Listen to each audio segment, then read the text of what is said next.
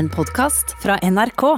Ingrid Røynesdal er direktør for det hun kaller Norges største liveband, nemlig Oslo-filharmonien. Og før det så var hun direktør ved Edvard Grieg museum Trollhaugen i Bergen. Men Røynesdal er fra Trondheim og er utdanna både klassisk pianist og statsviter. Og har også markert seg som et stort tennistalent, med 14 norgesmesterskapstitler på veggen. Drivkraft med Ruben Gran i NRK P2. Ingrid Røynesdal, hjertelig velkommen. Tusen takk. Hvordan har du det? Jeg har det jo bra. altså Som alle andre er jeg vel prega av koronasituasjonen. Men eh, eh, takknemlig også for at jeg har en morsom jobb fortsatt. Og, og tross alt ser vi enden av tunnelen. Ja, jeg håper det. Hva, hva slags morgenrutiner har en uh, filharmonidirektør? Nei, ikke sånn helt uh, veldig bestemte, men det er klart jeg må um, opp og, og, sjekke at uh, jeg har rimelig oversikt over dagen. akkurat sånn som det er nå, så er det litt sånn kriseberedskap hele tiden. Vi står jo veldig akutt nå med pressekonferansen som kom i går. ja, I en så kritisk situasjon, hva gjør vi? Hvilke implikasjoner får det for virksomheten? Hva slags produksjoner skal vi gjøre? Hvor, hvor um, kritisk måte, er dette for det vi allerede har planlagt? Og dette her um, endrer seg. altså Vanligvis planlegger et orkester som oss en um, ja, to, tre, fire år fram i tid. Og nå um, skal jeg sende ut en melding til orkesteret i dag og si at uh, uke 16 i år det føles som et hav av tid til. Og det er litt det som er normalen akkurat for tiden. Eh, du har hjemmekontor, eh, som mange andre ja. regner jeg med. Mm. Eh, apropos korona. Når, folk eh, i samfunnet har blitt spurt om eh, hva de gleder seg mest til etter korona, så er det to ting som går igjen. Eh, det er å klemme gi folk en klem og gå på konsert. Mm. Eh, hva, er du, hva, er det du, ser frem til? Ja, Det er det samme som alle andre. Det, det, er, det. det er, ingen tvil om. Og det er klart, Jeg savner så innmari det der med å sitte skulder ved skulder, føle å være et menneske, føle å være et fellesskap. Å få de store opplevelsene sammen. Det er litt det som eh, jeg virkelig kjenner et savn på. Men så tenker jeg jo også at kanskje nå har vi fått denne tiden til å kjenne litt ekstra på hvor mye vi faktisk eh, kan sette pris på det også. Mm. Jeg, ser for meg en skikkelig sånn ketsjup-effekt. Og en utrolig også spennende tid, selv om det kommer til å ta en god tid, tror jeg, til vi har klart å gjenoppbygge mye av det vi, vi også har mistet i denne tiden. Mm. Når var du sist på konsert? Altså, Jeg er jo litt uh, privilegert i den forstand at jeg kan, uh, jeg kan uh, snike meg inn og på en måte faktisk følge produksjoner som jeg har gjort digitalt. Så jeg har sittet alene i Oslo Konserthus eller med ytterst få av mine kollegaer uh, og fulgt en del av de produksjonene vi har gjort nå i, i vinter. Og det er litt sånn med tårer i øynene. Store opplevelser hvor du tenker så utrolig trist at ikke flere får oppleve dette. Men sånn ordentlig, ordentlig konsert, det er jo sesongåpningen vår. Da var vi 200 mennesker eh, i august. Og så var det noen konserter utover, i, utover, høsten, før det var ganske full lockdown igjen i november. Så november er vel sånn sett det riktige svaret. Mm. Med fare for å gå ekstremt filosofisk med en gang, men hvorfor tror du konsert er så viktig for mennesker?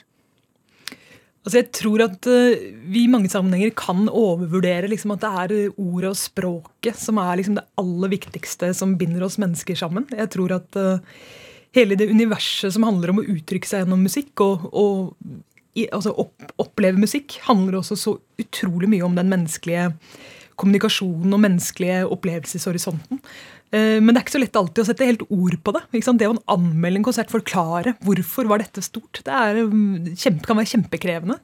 Og jeg tror de derne eh, følelsene og opplevelsene man, man, eh, bare fester i ryggmargen når man har hatt noen sånne store konsertopplevelser, det taler litt for seg selv. Så for meg så er det liksom noe av det mest eksistensielle man kan gjøre, er jo virkelig åpne seg og ta inn um, noe så fint som, eh, som den virkelig store musikken. Mm. Eh, du, du, var jo litt innpå det, men hvordan er det å drive et symfoniorkester som, som har som jobb å spille for folk under en pandemi som nå? Så Det er en fantastisk jobb. Det er en utrolig privilegert jobb. Og sett fra akkurat mitt utkikkspunkt så er det jo uh, utrolig spennende. For du har, liksom, du har en mulighet til å virkelig bygge bro mellom ulike samfunnsdeler, mellom eh, utrolig mange forskjellige eh, deler og miljøer i samfunnet. Altså jeg har, Sett fra mitt perspektiv så er jeg veldig tett kontakt med næringsliv, tett kontakt med politikk, med offentlige, virks, altså offentlige aktører og, Og med selvfølgelig det ypperste av kunst internasjonalt. Så det er liksom på en måte veldig min, min virkelighet. Selvfølgelig også kommunikasjon, medier. Den biten. Liksom, men rent å drive et orkester sånn er jo en på ett vis selvfølgelig noe spesielt, på en annet vis egentlig å være leder for en, en, sterk kompetansebedrift, som ikke tror jeg skiller seg så veldig fra veldig mange andre sterke kompetansebedrifter. Altså Det er mennesker som virkelig har lidenskap for den jobben de gjør, og som har eh, både store synspunkt på og masse visjoner for hva vi skal oppnå sammen. Og mm, vi er jo til sammen en, ja, 130 mennesker i virksomheten. Og det er klart at med mye eh, Med 130 mennesker som vil mye, så er det alltid en, en viss kompleksitet å, å, balansere og lede det på en klok måte. Men eh, det er jo det som er utrolig gøy med jobben også. Mm. Virkelig liksom få alle disse forskjellige aspektene, oppdraget vårt, liksom hele det tilskuddsbrevet og det politiske til å svinge ordentlig med å lykkes med næringslivssamarbeid, til å liksom virkelig være ute på de internasjonale toppscenene og være liksom superrelevant i et internasjonalt musikkliv, til å liksom helt den nære, fine opplevelsen bare én til én i, i, Oslo konserthus. Så liksom det spennende der er jo det som virkelig ja, virkelig er inspirerende, um, men også utfordrende. Ja, og, og alt det du beskriver nå, høres jo ekstra utfordrende ut nå. Ja, både òg. For det er klart at det er mange av disse oppgavene som faller litt bort. Sant? Når fellesskapsarenaen og møteplassene forsvinner. Så um, det som har vært spesielt utfordrende nå i korona for en, en kulturinstitusjon som vår, har jo vært at altså jeg tror ikke vi har egentlig gjennomført en eneste plan A siden mars i fjor. Så hver eneste uke, hvert eneste prosjekt og nesten hver eneste dag har måttet kastes opp i luften og skrus i hvert fall én eller to eller ti ganger. Um, og det er klart at uh, det er um, krevende for en virksomhet som er kjempeprofesjonelle på det vi gjør. Har en utrolig sånn, god organisasjon og veldig veldig høy kvalitetsdimensjon uh, uh, på alle, alle, ledd av virksomheten. Og så skal vi plutselig på en måte snu nesten på hver eneste funksjon. Stille spørsmål på helt andre måter nesten over natta. Og gå egentlig fra å være en kulturbedrift til å langt på vei forsøke å bli en mediebedrift. Og det er klart at eh, det vet man jo her i huset, at eh, det er eh, det er helt andre typer kompleksitet i det, men selvfølgelig også utrolig mye læring. Så vi har jo hatt et, som veldig mange andre, selvfølgelig et digitaliseringsår som, som har vært helt uten sidestykke. Men på veldig mange andre områder også, faktisk. Liksom kjent på denne endringstiden som også spennende og meningsfull, men i bunn og grunn eh, selvfølgelig også utrolig frustrerende. Ja, du, ja, du sier lærdom. Har dere, har dere, lært noe nytt av dette her, som, som, dere kommer til å ta med videre? Altså, Vi har jo virkelig sett hvor internasjonal den virksomheten vi er eh, eh, altså Hvordan vi virkelig har nådd ut. Altså, det er jo ikke bare Norge pandemien har slått. Så, så det er å egentlig ha en digital profil og en digital eh, Eh, hva skal vi si, læringskurve som etter hvert virkelig har truffet eh, så bredt også internasjonalt, det har vært utrolig inspirerende. For det er klart at man kan bli frustrert av å ikke nå det lokale publikummet, men vi har liksom en visjon som vi skal både nå lokalt, nasjonalt og internasjonalt. Og i går så fikk jeg en brifing fra noen av mine kommunikasjonsfolk som er så flinke. Nå ser de bare at eh, et land som virkelig har kommet opp nå, er Mexico. Vi er kjempegode i Mexico. Mm. Vi har gjort utrolig bra digitale produksjoner som har nådd uh, Mexico veldig godt, f.eks. Ja, hvor, hvorfor det? Hvorfor, hvorfor traff dere Mexico? Så, ja, Det har, satt vi og lurte litt på selv også. Det er vel sikkert litt tilfeldigheter også. Noen av disse landene rundt om profilerer oss også på andre kanaler enn det vi gjør selv. og så det handler nok litt om sånne ting. Men det er klart, klassisk musikk er, eh, er, stort i Norge, men det er jo også kjempestort i mange andre land. Så det å virkelig bli god i um, digitalt um, i en sånn tid hvor kulturlivene rundt omkring er uh, veldig um, Slagmark er kanskje litt sånn hardt ord, men mange steder har det jo virkelig vært totalt kollaps. Og se amerikansk kulturliv, f.eks. Jeg er utrolig spent på hvordan hvordan stabler de det på beina etter eh, en sånn periode som nå? Og det er også et typisk sted hvor vi har lyktes også veldig godt digitalt. Så det, så det er på en måte helt andre typer av prosesser og dynamikker enn eh, det vi vanligvis holder på med, som er å liksom maksimere utekonserter og publikum i Oslo og, og virkelig få til de der nære, fine opplevelsene fysisk i samme rom. Mm. Men hvordan, hvor mange er det i Oslo? 100 og Ja, 108 på en måte stillingshjemler da, i orkesteret. Hvordan øver man? Eh, Øver de på Zoom? Eller Nei, altså Det er jo ingen tvil om at det er en høy eh, egenøving hjemme eh, for å holde seg i fysisk form. Det er klart Når de først møtes, så er det jeg tror de fleste hadde blitt ganske imponert av å komme mandag morgen og høre første prøve med orkesteret. Det låter altså utrolig, utrolig bra. Um, men vi har jo unntak for å kunne drive en del virksomhet virksomhets... eh, altså for å kunne drive kunstnerisk virksomhet som oss. da.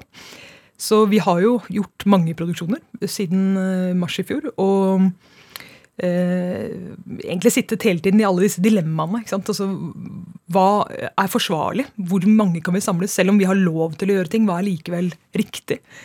Og um, vi har jo kjørt testregimer nå, særlig den siste tiden, selvfølgelig, når, når virussituasjonen har utviklet seg ytterligere. og kjører selvfølgelig, Vi er jo jeg tror alle institusjonene, kulturinstitusjonene er eksperter på smittevern. sant? Vi håndterer dette veldig um, med liksom stor um, nøyaktighet og samvittighet. Men um, vi har spilt også en god del større produksjoner sammen også. mm. Hva skjer den dagen dere åpner opp konsertsalen igjen? Har dere, har dere mye sånne tentative, store planer? Ja, så Det er jo veldig uklart hvordan den åpningen virkelig kommer til å bli. Om den er veldig gradvis og smyggende, eller om den er eh, fra et sånn visst tidspunkt hvor vi kan virkelig begynne å fylle opp igjen. Eh, men du kan si ikke sant, veldig mye av det vi gjør på podiet, eh, har vi gjort og kommer til å gjøre selv om det ikke er publikum i salen. Så, så på en måte veldig mye av det vi gjør der, kommer til å være av det samme. Men det er klart vi er jo spent på om vi, særlig da fra og med høsten, kan virkelig få inn et stort publikum og, og begynne å jobbe med den bredden av og den viften av det eh, de type produksjoner som vi liker. altså Spille barnekonserter, spille masse skolekonserter, gjøre mm, liksom, produksjoner for, for helt nye publikumsgrupper, filmkonserter, tradisjonelle abonnementskonserter, internasjonal virksomhet. altså Det er jo dette som er alle scenarioene som vi har parallelt. Gleder du deg? Utrolig.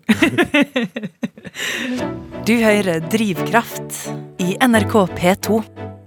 Det gjør du, og her i Drivkraft i dag så har jeg besøk av Ingrid Røynesdal, som er direktør for Oslo Filharmonien, eh, og som har drevet med andre ting opp igjennom også. Eh, hva slags barn eh, var du? Ikke så lett å beskrive seg selv, tror jeg. Altså, jeg så på meg selv egentlig som et ganske vanlig barn. egentlig. Jeg var like sårbar og like keitete tror jeg, i oppveksten som, som i hvert fall mange andre barn var. Men, eh, men jeg ser jo tilbake på en barndom som likevel, eh, sett fra et voksenblikk, var litt annerledes. Um, Jeg var nok ganske opptatt av å prøve å finne min hylle, som jeg kalte det, tidlig. Hvor, hvor tidlig da? Nei Jeg husker jeg prøvde meg på ballett da jeg var fem-seks år, og det tror jeg var en sånn skjellsettende opplevelse at det var noe jeg virkelig ikke egnet meg til. og dermed så var jeg veldig opptatt av å prøve å finne en eller annen sånn kanal, en eller annen uttrykksform som, eh, som ga gjenklang i meg. da. Så jeg var vel en seks-sju år da jeg begynte å spille piano. Og det var en ordentlig åpenbaring. og... Og etter hvert også, så, som du har vært inne på, så begynte jeg å spille tennis. Og det å liksom ha de to verdenene ved siden av, det ga så mye drive at eh, jeg følte jeg hadde verdens fineste barndom. Fordi at jeg kunne utfolde meg. Jeg husker jeg følte meg så takknemlig for at jeg hadde dette her. Og syntes det var liksom mine eh, Jeg måtte liksom nesten underspille litt hvor, hvor eh, fint jeg syntes det var. Oh, ja. Fordi jo, men litt fordi, ikke sant? Altså, Det var jo en annerledes barndom. Jeg, jeg, jeg erkjente jo det på et vis, men, men eh, mer fordi at jeg liksom eh, hadde så stor opplevelse med det. Så det er klart Jeg hadde ikke noe sånn stort behov for å skille meg veldig ut, men det var jo likevel en erkjennelse at de, de arenaene ga meg så innmari mye. Mm. Eh, du sa du begynte å spille piano da du var seks. Mm. Mm. Men kan du, har du noe sånn tidligere minne med musikk? Hva er, det, hva er det tidligste minnet ditt av i møte med musikk? Altså, Å kalle det minne er kanskje litt sterkt, men? Altså, jeg vokste opp med en eh, far som var solobratsjist i eh, Trondheim Symfoniorkester. Og han eh, la meg ned på teppet på gulvet da jeg var spedbarn og øvde bratsj-øvelser og skalaer. liksom. Og jeg har liksom tatt meg i det senere at jeg kan de skalaene fortsatt. Altså det, De sitter hodet. Hvis jeg er en bratsjist som spiller de, de øvelsene, så, så, kan jeg det.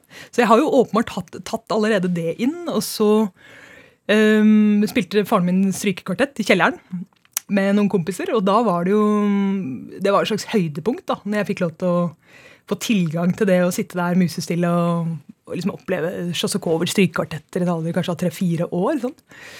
Og så, fordi han spilte Trondheim Symfoniorkester, så, så tror jeg han syntes det var litt stas å ta meg med på konsert. Og det var jo ordentlige høydepunkter. Og det var jo ikke så innmari mange barn kanskje i, i salen på, på, den tiden, i hvert fall.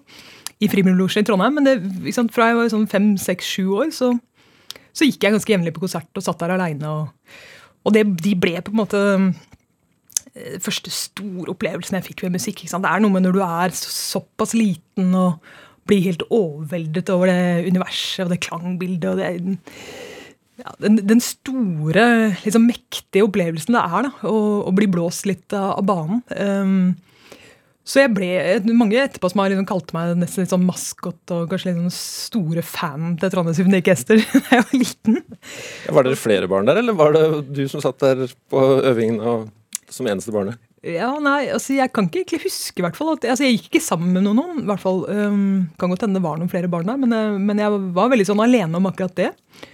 Og så fikk jeg lov til å komme bak scenen etterpå for autografen til solist og dirigent. Og, så jeg har fortsatt en liten sånn bunke av liksom, ja. uh, tidlig, altså midt på 80-tallet hvor, hvor, jeg har liksom uh, ja, et, et godt knippe av superstjerner som var solist og dirigent med orkesteret. Mm. Men har det alltid vært kun såkalt klassisk musikk for deg, eller har du hørt på andre ting òg? Altså, hele ungdomstiden var jeg jo, hørte jeg på veldig veldig mye forskjellig. Men eh, sant, i og med at jeg spilte piano og var etter hvert ganske sånn Jeg hadde veldig lyst til å prøve å, å gjøre det til levevei. Så er det klart at da, da har du en sånn stor drive på liksom, å sette deg inn i det repertoaret og virkelig prøve å forstå mer av det universet. Så det var, liksom, det var veldig den veien som lå der. Men, eh, men jeg har stor glede av eh, jazz. Jeg har stor glede av liksom all, all, type musikk som, som, har litt kompleksitet i seg, på en eller annen måte. Eh, men i ungdomsårene tror jeg jeg hørte liksom på skikkelig helt streit pop, som alle andre gjorde. Og det var en slags viktighet for meg egentlig å alliere meg litt med, med ja, de vennene rundt meg som, som, kanskje ikke hadde de samme opplevelsene med klassisk musikk. da. Ja, for Var du aleine om det klassiske eh, engasjementet på, på ungdomsskolen f.eks.? Altså, det var et utrolig fint musikkmiljø i Trondheim. Eh, vi gikk på såkalt lørdagsskole og hadde liksom møttes veldig der. Barna egentlig fra, fra, hele byen. Så det var jo veldig lagt til rette for et sånt miljø um, med mange av oss da som, som, hadde stor glede av det. Men, uh, men liksom i klassesammenheng og på, på Jeg gikk jo på helt vanlig skole, så så var jo ikke det like åpenbart at det var noen som traff alle. Hvem, hvem var du i midttimen? Nei, altså jeg var nok tidlig liksom en sånn som uh, tok veldig sånn Jeg var opptatt av å ta ansvar, og jeg var nok opptatt av å liksom sørge for at uh, måte, det var et godt miljø i klassen. Så jeg, jeg var nok en som uh, markerte meg på ulike måter, men jeg var nok ikke så veldig opptatt av å, å være så spesiell. da. Jeg var opptatt av å liksom ja, også komme godt overens, liksom. Mm. På, på, de premissene som gjaldt der, da. Men hvor, hvor, kom det fra? Det høres ut som du var litt sånn smådirektør allerede i, i klassen. Er, er, det noe du har med hjemmefra? Hva, hvordan, hvordan, hva slags familie er det du vokste opp med? Nei, altså jeg, Hva skal jeg si da? Jo, jeg tror kanskje at jeg tidlig var veldig opptatt av det å ta ansvar. Det var jeg nok um, jeg vet ikke helt hvor det kommer fra. Jeg har ikke noen sånn uh, veldig sånn direktørgener uh, bak meg. Men, men jeg, jeg vet ikke. Jeg har alltid hatt veldig sånn kjærlighet for at uh, vi må gjøre sammen det beste. Også hvis du ser at du kan utgjøre en forskjell eller liksom bidra med noe, så har jeg alltid liksom kjent et veldig gen for at da må, jeg, da må jeg forsøke å bidra. Så det var ikke noe altså, Det var jo ikke liksom mye direktør over å, over å gå veldig pianistveien eller å spille så mye tennis. Altså, det var jo, det var jo liksom virkelig det som var søylen i livet mitt. Mm. Så, så, det var mer den der eh, behovet for også å være litt i synk med det som gjaldt på skolen, på en måte. Ja. Men pianoet. Eh, mm. Hvorfor, hvorfor starta du med piano? Nei, det lå jo litt opp i dagen, selvfølgelig. Altså, min far var da eh, bratsjist, solobratsjist i orkesteret i Trondheim. Og da var det veldig åpenbart at eh, det å liksom begynne å spille fiolin eller noe sånt, det, det var han så åpenbart mye bedre enn meg til. Så jeg måtte liksom finne igjen da, min hylle. Og piano spilte han veldig dårlig. Så, så pianoet sto i stua, og det var veldig enkelt å gripe tak i. Og Så er det veldig tilfredsstillende med piano, fordi at du får på en måte hele lydbildet med en gang. Du slipper å ha med deg noen. Du, du kan få et innmari fint resultat, i motsetning til veldig mange andre strykeinstrumenter, hvor du bruker en god del år før det egentlig låter noe særlig av det i det hele tatt. Det har jeg hørt fra naboen. ja, nettopp. Sånn er det. Men hvordan merka du at du hadde, hadde talent? Hvor, hvor, hvor, lenge hadde du spilt da? Nei, Det kom egentlig ganske fort. Og jeg tror liksom der det kom med at jeg var tidlig ganske, eh, ganske moden. Så jeg hadde nok lett for det ganske tidlig. Um, og det er klart, et barn som opplever at man mestrer noe, får jo inspirasjon og får lyst til å fortsette. Så det var um, egentlig litt sånn selvforklarende. Så, og jeg hadde nok også tidlig veldig sånn forståelse av at hvis jeg bare nå jobber systematisk og, og liksom følger opp uh, dette klokt med de veiled den veiledningen jeg hadde, så kunne jeg nå ganske langt. Og så er det jo det som er så fint med det å spille et instrument, er jo at du som liten da, du kommer så tett på gjerne et annet voksenmenneske, og kanskje flere voksne mennesker, som ikke er dine foreldre, men som ser deg så innmari godt. Og hvis du da virkelig investerer og dedikerer tid til det, så fins det altså så mye fantastisk fine musikklærere i dette landet. Eh, og jeg var heldig å komme nær noen av dem. Og, og utviklet nok også både min personlighet og min selvrefleksjon veldig mye i i tråd med min kan du si, musikalske utvikling. Så, så eh, det er liksom noe jeg har tatt med meg veldig videre. At eh, det å ha gode mentorer i livet, det er liksom det som virkelig skaper trygghet. Så fortsatt en dag i dag så bruker jeg veldig mange forskjellige mennesker fra veldig mange forskjellige eh, sektorer, samfunnsfelt, egentlig som gode sparringpartnere i problemstillingene jeg står i, eller, eller eh, tanker som jeg opplever selv jeg ikke klarer å, å se fullt ut bilde i. Eller, eh, ja. Og det, mm, det, er liksom det som hele livet mitt har skapt trygghet. da. Jeg, jeg, jeg sånn, Fra pianolærerne, bortsett fra at uh, de gjorde deg rasende god på piano, hvilken annen lærdom er det du har med, eller erfaring du har med fra pianolærerne dine? Ja, det, det, er noe med at um, du blir sett veldig på hva du er god på. Og som sagt, det å uttrykke seg gjennom musikk for meg var jo ikke bare å bli flink til å trykke tangenter. Det var jo å bli faktisk flink til å reflektere over um, Altså å uttrykke seg, på en måte. Hva, hva, vil det si å uttrykke seg? Hva vil det si å formidle?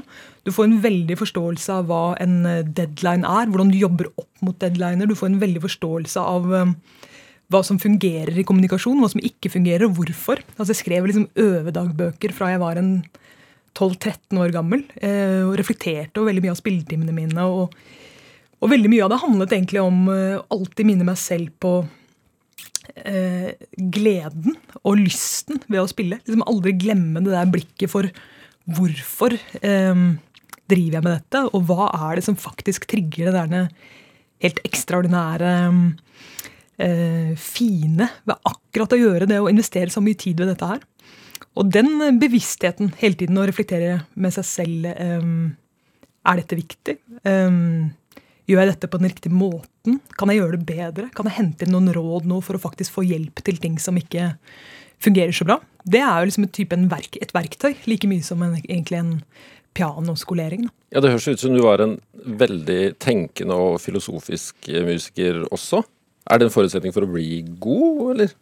Nei, det tror jeg ikke egentlig. Altså, det fins så mange forskjellige musikere i ja. alle sjangere, tror jeg. Eh, og, men for min del så var liksom det aspektet kjempespennende. ikke sant? Altså, eh, skolen var, eh, var, ikke så altså Jeg hadde sånn ganske lett for, for, skolen, så liksom dette var jo det der undrende universet som jeg kunne dykke inn i. og hadde liksom bare det hadde både motstand og utfordring i alle retninger. Så det å liksom dvele ved det og bruke mye tid med meg selv og med mine veldig veldig gode rådgivere rundt meg, det, det var virkelig sånn livsinnhold. Mm. Du hadde også en annen lidenskap som barn eh, og ungdom. Tennis. Ja. ja som du drev med samtidig, parallelt med piano i mange år? Ja, jeg gjorde det. Um, og det er klart også, det måte, Jeg liker å ta det litt ned. Da, for at, klart at jeg, jeg, skjønte også der ganske tidlig at jeg hadde talent. Uh, jeg hadde en godt balltalent, og jeg skjønte liksom ganske fort hva som skulle til for at jeg klarte å forløse og bli på et bra nivå. Um, men jeg trente jo ikke egentlig kjempemasse. Ikke Jeg kommer fra Trondheim, det er jo på ingen måte en tennisby i det hele tatt. Så det ja, var også sånn ja, Er det ikke noe tennismiljø å snakke om i Trondheim? Nei, altså Du hadde Sverre Bjertnæs her som uh, billedkunstner uh, i studio for, i Drivkraft for noen uker siden. Og han var jo f.eks. en del av tennismiljøet i Trondheim. Men det var ingen av dette her som Eh, vi var noen få mennesker som spilte, og så var det, en, var det NTH, eller NTNU da, som det heter i dag, som hadde masse gode tennisspillere fra Oslo som studerte i Trondheim i perioder, og kom og bidro og var, var tennistrener og en del av liksom, miljøet der. Så var det selvfølgelig en god del som drev det på hobbybasis, men det var veldig få som meg som virkelig dedikerte seg til det, og, og på alle mulige måter tenkte at dette her, det er morsomt. Og jeg var jo ikke mer enn liksom 12-13 år hvor jeg begynte å se at uh, altså her, her, kan jeg få så mye gøy. Så når jeg først skulle reise til Oslo for eksempel, og ta pianospilletimer, så var det en utrolig enkel ting å bare legge på en tennisturnering. Så jeg var gjennom hele, hele tidlig tennene. Ja, det sier du. Nei, men det var ikke sant, kjempegøy. Når du først drar til Oslo, så var, det, så var det utrolig gøy å både ja, hente inspirasjon, hente miljø, hente liksom på en måte en, en eh, næring til liksom alle, alle, timene hvor du jobba for deg selv i Trondheim. Mm. Så du var piano- og tennispendler i, i mange, mange år? jo, jeg var egentlig ja, det. Var det. Mm. Hva, hva, hvis det er mulig å kategorisere, nær sagt, hva slags tennisspiller var du? Altså jeg, var en, jeg hadde god teknikk. Jeg var um, øh, nok også en tenksom tennisspiller. Um, jeg hadde igjen veldig gode trenere som så meg. Og det, det, er igjen veldig mye av det tror jeg som er forutsetningen for å lykkes særlig som barn. At du på en måte får god veiledning. Uh, og jeg var, hadde et ganske sterkt kompetitivt instinkt inntil jeg liksom begynte å problematisere litt, uh, litt for mye. Det der um, Uh, Stakkars, det er litt kjipere for henne kanskje å tape enn det er for meg. Når du begynner å egentlig problematisere hele hensikten ved å spille, så, så skjønte jeg liksom at jeg, jeg, er ikke nok interessert i å vinne. Så det siste jeg gjorde, var altså virkelig liksom, ja, litt større ting, var jo Europamesterskapet som ja, Da var jeg jo kanskje rundt 15-16 år. Og da eh, husker jeg at jeg traff eh, Martina Hingis som var eh, to år yngre enn meg og ble senere verdens beste tennisspiller på, på kvinnesiden. Og hun eh, Jeg husker hun var der med sin mor. Jeg tror hun hadde så vidt jeg forsto, hadde også hadde omtrent sluttet skolen. Det var en sånn ekstrem dedikasjon, ekstrem kraft. Utrolig feeling. Sånn helt ekstremt begavet uh, spiller. da.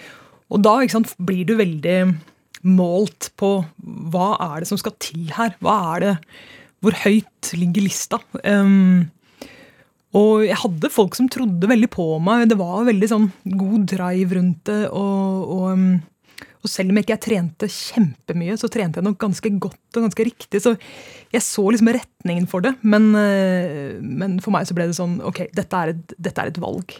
Jeg hadde tenkt at jeg kanskje både skulle klare å eh, eller skulle klare å holde begge disiplinene på et liksom helt superhøyt nivå lenge. Men jeg, jeg så nok at um, her må jeg legge ned pianospillet hvis jeg skal nå fram. Mm -hmm. Men tennis er jo en ekstremt eh, individualistisk eh, sport. Jeg ser for meg at det psykiske presset etter hvert, spesielt idet du er på landslaget, mm. det var ganske tungt, eller? Nei, jeg syns det var et godt miljø. For meg var det veldig sånn alternativt uh, miljø. sant? Når jeg var veldig jeg var veldig nede i, i musikkmiljøet ellers. Så jeg opplevde egentlig at det bare var en sånn veldig positiv um, positive ting. Da. Så jeg har liksom aldri kjent så veldig på at det er så veldig problematisk når ting er kompetitivt. Tvert imot så har jeg, jeg har liksom likt også veldig motstanden, både ved å spille tennis og piano. At um, eh, Jeg bruker å si at jeg har en slags sånn glede av å være litt misfornøyd med meg selv. Eh, glede over å på en måte alltid analysere litt kritisk de prestasjonene jeg gjør. Og det gjør nok også at man blir litt at det er litt ufarlig. Eh, det betyr mye, rammer deg mye å tape eller å på en måte ikke føle at man lykkes når man har jobbet hardt for noe. Men, men det interesserer meg også, da, å mislykkes.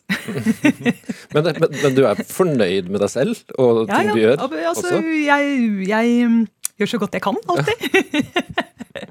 men, poenget er bare at jeg, jeg opplever at jeg, jeg har en veldig sånn glede av å, å utforske. Og, og, det å kritisere seg selv er jo noe man får med seg når man spiller et instrument. Um, du blir kritisert hver eneste uke fra du er ganske liten. ikke sant? 'Dette fungerer, fungerer ikke, her må du øve, dette går ikke.' ikke sant? Altså, du, du, får en veldig sånn naturlighet i forhold til å få kritiske tilbakemeldinger. Og det utvikler man en slags sånn eh, gledesfylt forhold til, egentlig. Mm. Altså, ja, når du sier det, det er jo veldig mye spissing av mm. talenter i, i barndommen. Mm. Eh, et, regner med på godt og, vondt, for det er veldig gjerne sånn insisterende, intense foreldre. Hva, hva, tenker du om det? Nei, altså jeg har jo Jeg husker at det gjorde en del Det var jo en del oppmerksomhet rundt det i tenårene. At jeg liksom holdt på med begge disse disiplinene. Og det er klart når du kommer fra en by som tross alt ikke er så stor, da, med, som Trondheim, så, så var det jo eh, mye fokus på dette med Ja, hva har du forsaket? Og det husker jeg, liksom det spørsmålet fikk jeg så ofte, ikke bare av media, men også av veldig mange andre, at, um, eh, at jeg måtte bruke en del tid på å reflektere over det. Kanskje jeg har forsaket noe. Kanskje er det noe. Men så jeg, bestemte jeg meg egentlig for å si Uh, og det gjorde at, at, jeg også senere utviklet et eh, slags foredrag som heter 'Gleden over disiplin'. For, jeg, for, meg så har det liksom, jeg har aldri tenkt at jeg har forsaket noe. Jeg har aldri hatt foreldre som har pushet meg. Jeg har noen ganger tenkt at jeg hadde kanskje kommet lenger hvis jeg hadde hatt foreldre som hadde pushet meg. Jeg har jo sett svært mange både heldige og uheldige eksempler på, på foreldre som har, um, som har, drevet barna sine og prøvd liksom å realisere seg selv gjennom barna. Og det, det har jeg stort sett også vært, um, vært både undrende og noen ganger veldig skeptisk til. Men, men av og til så, så skjønner du ikke som barn hva som skal til. Da. Og hvis du er så sulten og har så stor glede av å prøve å bli god, så er det faktisk også en slags glede over å bli ført inn på en vei som, som eh, gir deg et lite dytt i ryggen. Mm. Og, og, det hadde jeg egentlig Kan ikke jeg si at jeg hadde som liten. Altså jeg var ekstremt selvdreven. Og som sagt, den derre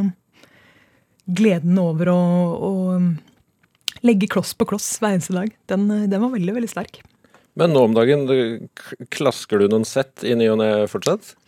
Nei, jeg tror det er uh, min tennistreners uh, lille frustrasjon. At jeg liksom ikke har drevet det Jeg har sagt kanskje, kanskje jeg skal komme igjen som old girls når jeg blir pensjonist, men på et eller annet vis så var veldig Gleden over å spille, var, spille tennis var veldig mye gleden over å konkurrere og prøve å maksimere potensialet mitt. Um, og når jeg begynte å miste den formen og spilte dårligere, så var det ikke like moro lenger. så, så, så, du tar ikke liksom med deg racketen på ferie? Nei, jeg skulle ønske jeg kunne si ja, men jeg gjør egentlig for lite av det. altså. Mm. Men Var du opptatt av noen andre ting enn pianotennis? Eh, har du i ettertid, ettertid sett at du forsaka noe? kan jeg si? Ja, det er et godt spørsmål. Altså, Jeg følte jo Nei, jeg egentlig følte ikke det. Jeg har alltid hatt et veldig stort um, nettverk fra forskjellige miljøer. Jeg har alltid vært veldig opptatt av politikk. veldig opptatt av... Um, altså det var grunnen til at jeg, jeg begynte å studere statsvitenskap da jeg var 19 år, og det var jo av en grunn. Altså Jeg har alltid interessert meg for veldig veldig mye mer. Det høres ut som liksom jeg bare har sittet der og øvd skalaer eller eh, slått eh, foran. Liksom. Jeg, har, jeg har virkelig ikke det. Uh, og Det er derfor jeg tar det litt ned også, fordi det er uh, Det er litt akkurat det at når du finner på en måte en metodikk som er effektiv, så kan du klare å komme på et ganske høyt nivå og faktisk også ha tankene på andre ting innimellom.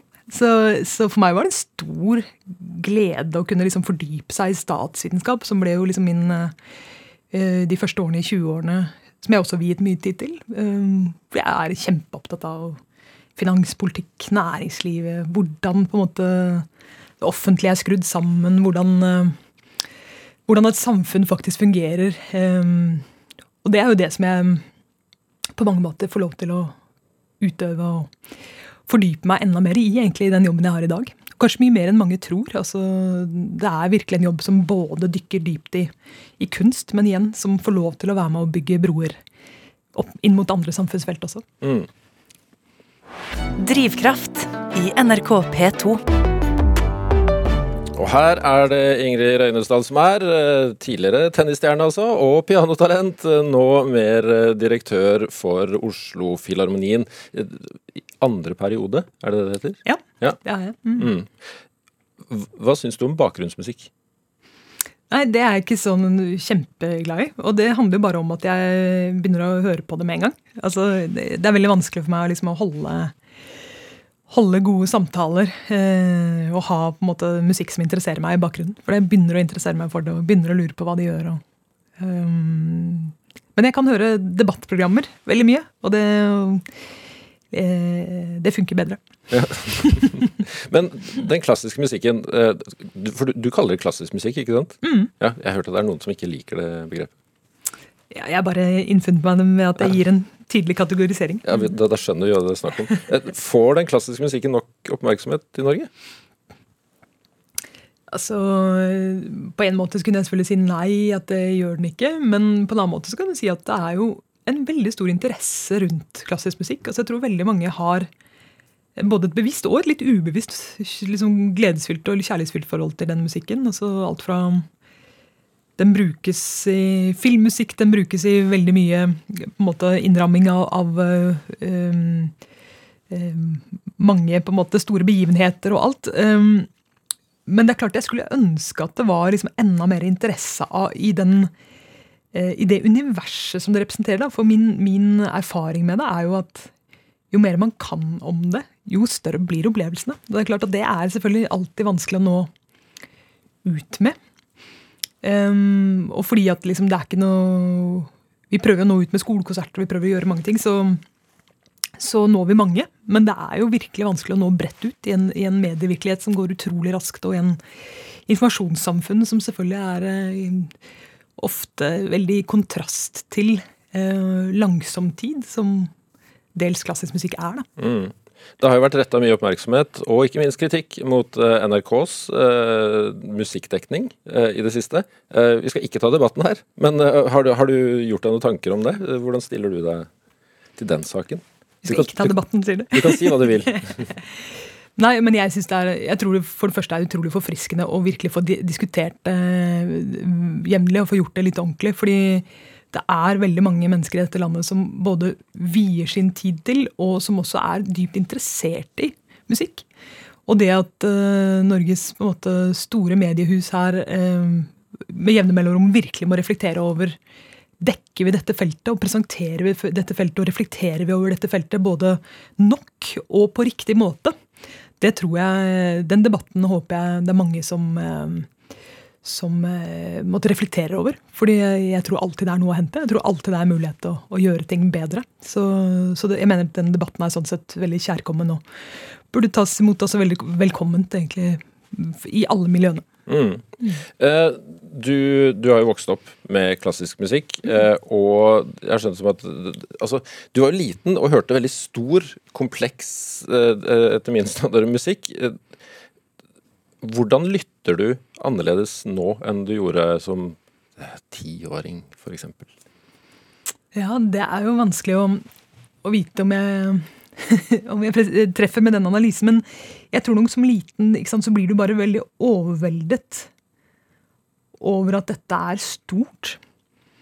Uten å kanskje reflektere så mye over hvorfor det er stort. Da. Men som voksen, så, så, i hvert fall hvis man har hørt mye, så vil du i litt større grad klare å både kontekst, kontekstualisere og kanskje også Hører man musikk eh, mange ganger, og særlig kanskje litt sånn stor symfonisk musikk, så hører man jo forskjellige ting hver eneste gang. Altså Jeg hører jo mye musikk også mange ganger. Og mm, jeg tror nesten hver eneste gang, hvis det er liksom virkelig gode utøvere, så oppdager du og dveler ved, og kanskje tårene presser på på litt forskjellige steder. Sant? Altså Det er veldig emosjonelt på, på litt flere dimensjoner, kanskje. Ja, for du har fortsatt følelsen med det. det er ikke, du har ikke blitt for analytisk eh, med åra? Nei, altså jeg hengir meg veldig til det. Altså jeg det er en pussig ting å si at du gråter ofte på jobb, men jeg gjør det. altså. Vi skal få hengi oss eh, til litt eh, musikk nå, som du har tatt med deg. Og vi skal til Sibelius sin symfoni nummer fem. Hvorfor skal vi høre dette her, og hvor er det vi skal inn? Hva er det vi, hva er det vi trenger, bør høre etter nå? Altså, jeg tenkte bare, Dette blir jo et lite, bare et lite utdrag, så jeg hadde liksom bare lyst til å få med noe av eh, nerven som um, kan finnes i et stort orkester. Og, og Sibelius var jo et, eh, en komponist som Trondheimsymfoniorkester spilte mye som da jeg var liten. Um, og nettopp et repertoar som jeg virkelig husker. Altså Det er liksom beve, uh, opplevelser som sitter i, i, kroppen min fortsatt. Det trigger liksom det trigger ting fra jeg var bitte liten. Uh, og så I tillegg så har det vært et, et innspillingsprosjekt som vi har gjort i Oslo-Filharmonien nå i koronatiden. Sammen med vår nye fantastiske sjefdirigent eh, Klaus Mekele. Og da tenkte jeg at det var litt gøy for lytterne å dykke litt inn i akkurat det. Så da gjør vi det. Vi tar en tur til Sibelius sin symfoni nummer fem i Drivkraft.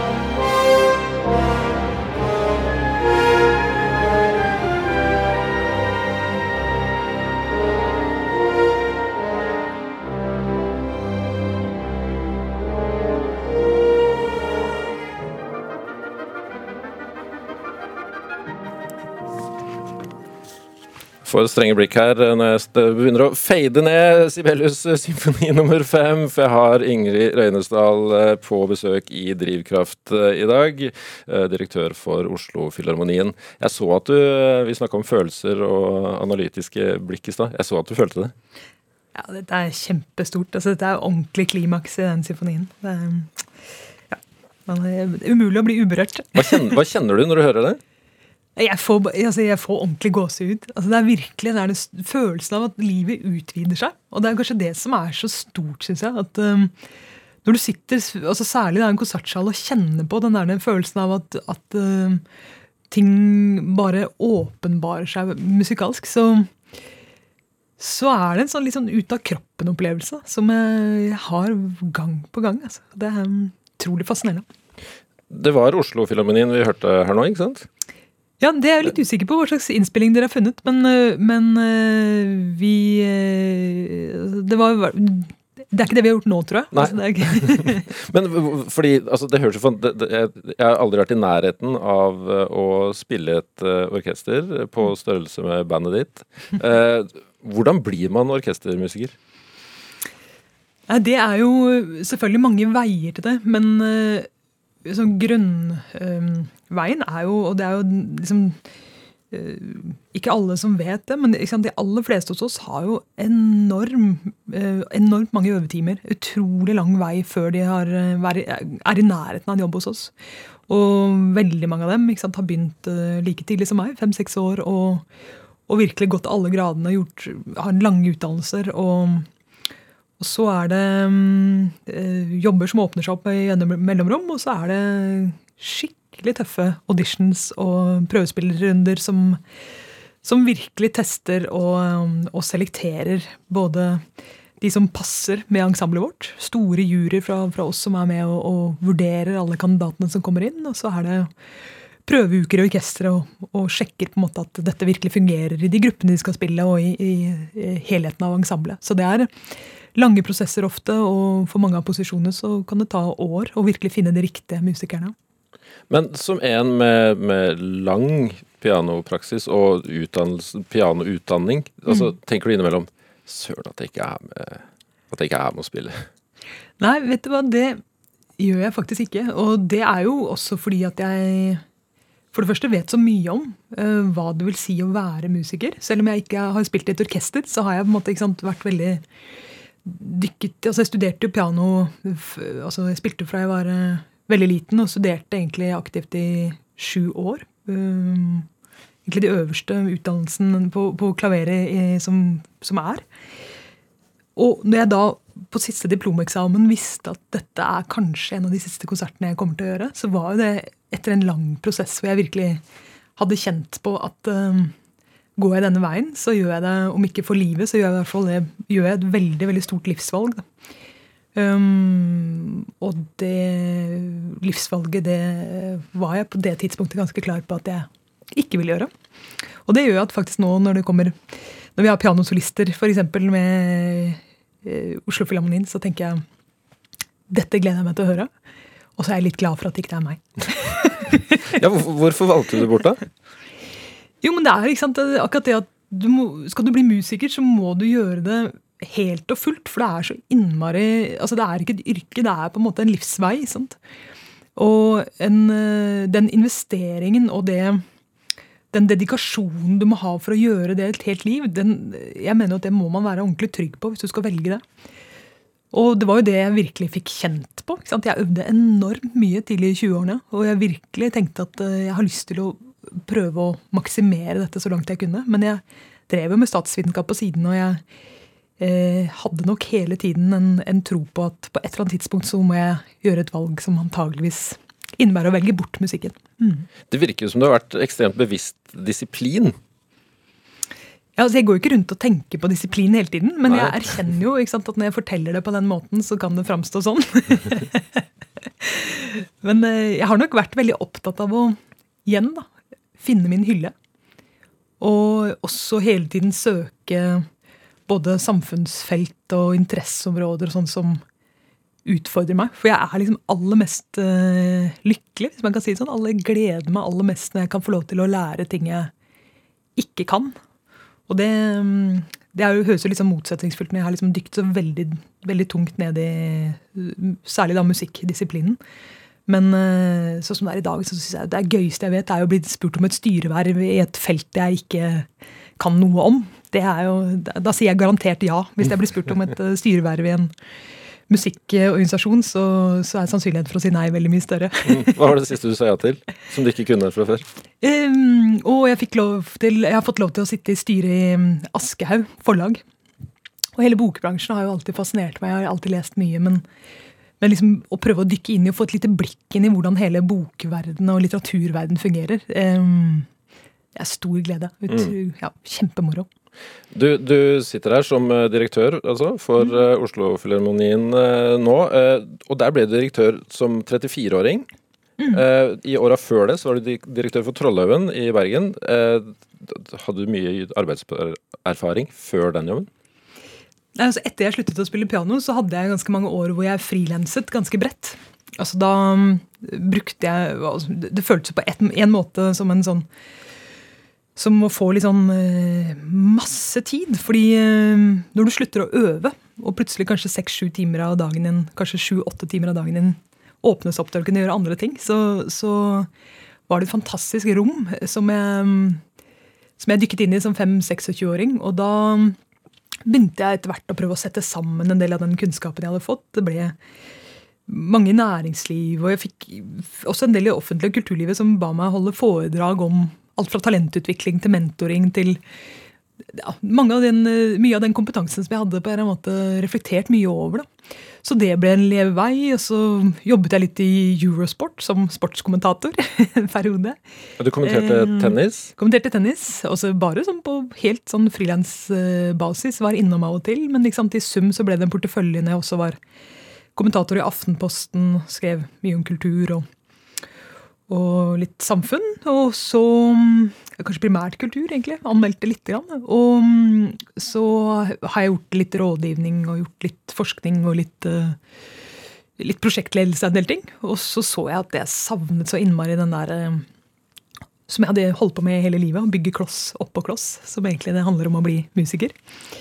Og det var da jeg tenkte at uh, det å få et sted å kunne få lov til å forløse det, ikke bare på vegne av meg selv, men på vegne av noe som er litt større enn meg selv. Det var det som var skikkelig triggeren, og, og det som gjorde at jeg søkte jobben i, i Bergen, på, på Trollhaugen.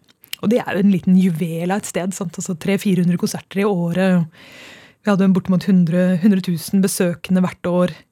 Eh, veldig internasjonalt, veldig veldig dynamisk og, og, og, samtidig ganske få mennesker som jobber der. Og virkelig et sted hvor jeg kunne både lære meg å lede og reflektere over lederskap og, og dykke inn i ansvaret som det innebærer, på, på veldig konkret vis. Og så var jeg ikke der mer et par år hvor jeg fikk lov til å gjøre kjempemye gøy. Vi fikk gjort veldig veldig mye på de to årene. Um, før jeg da ble spurt om å søke Filharmonien. Og det um, har jo vært utrolig spennende.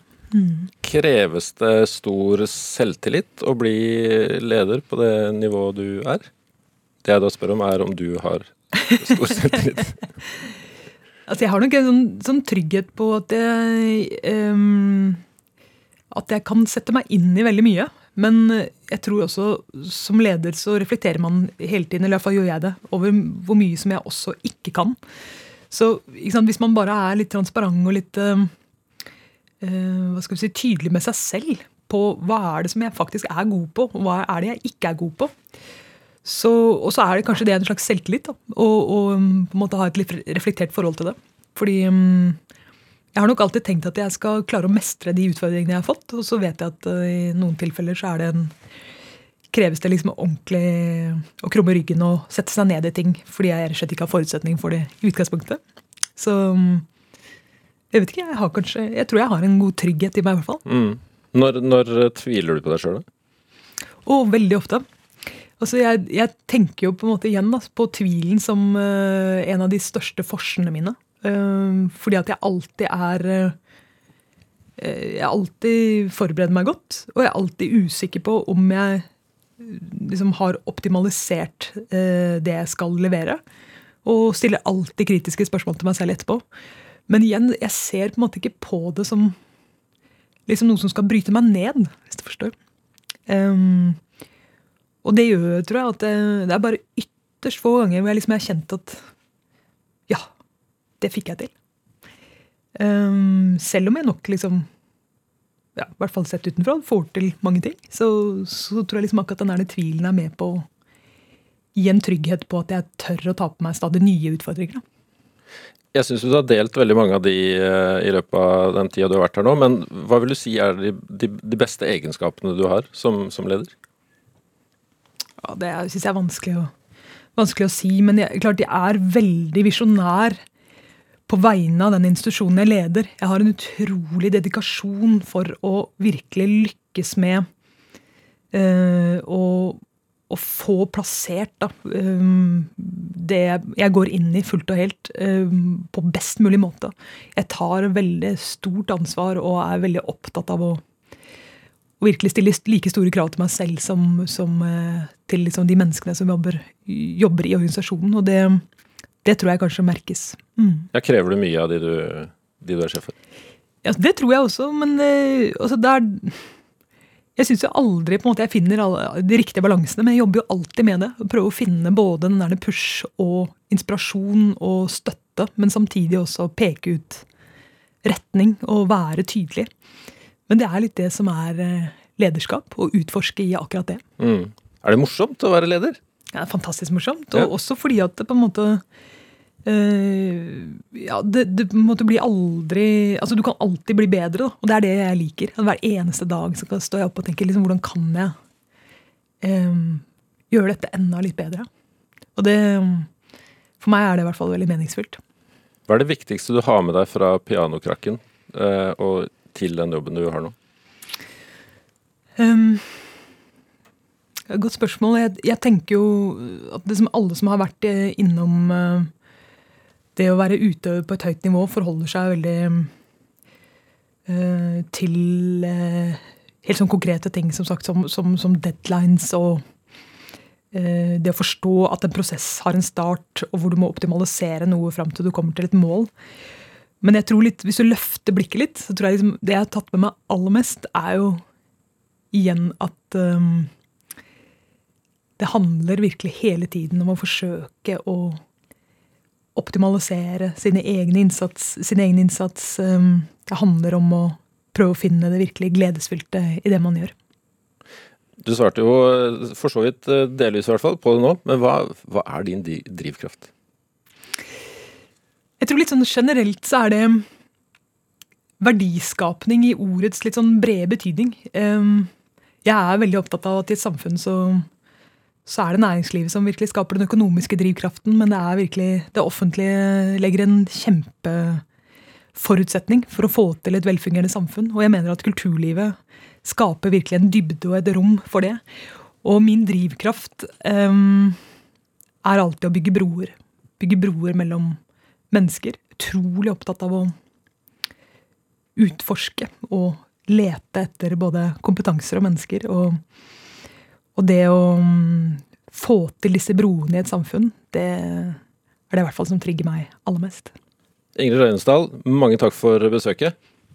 Og dersom du vil høre flere drivkraftsamtaler, så gjør du det i NRK-appen, eller du kan laste oss ned som podkast. Og så må du gjerne tipse oss om folk du mener har drivkraft. Det kan du gjøre til drivkraftalfakrøll.nrk.no, og vi er mottagelige for både ris og ros eh, også.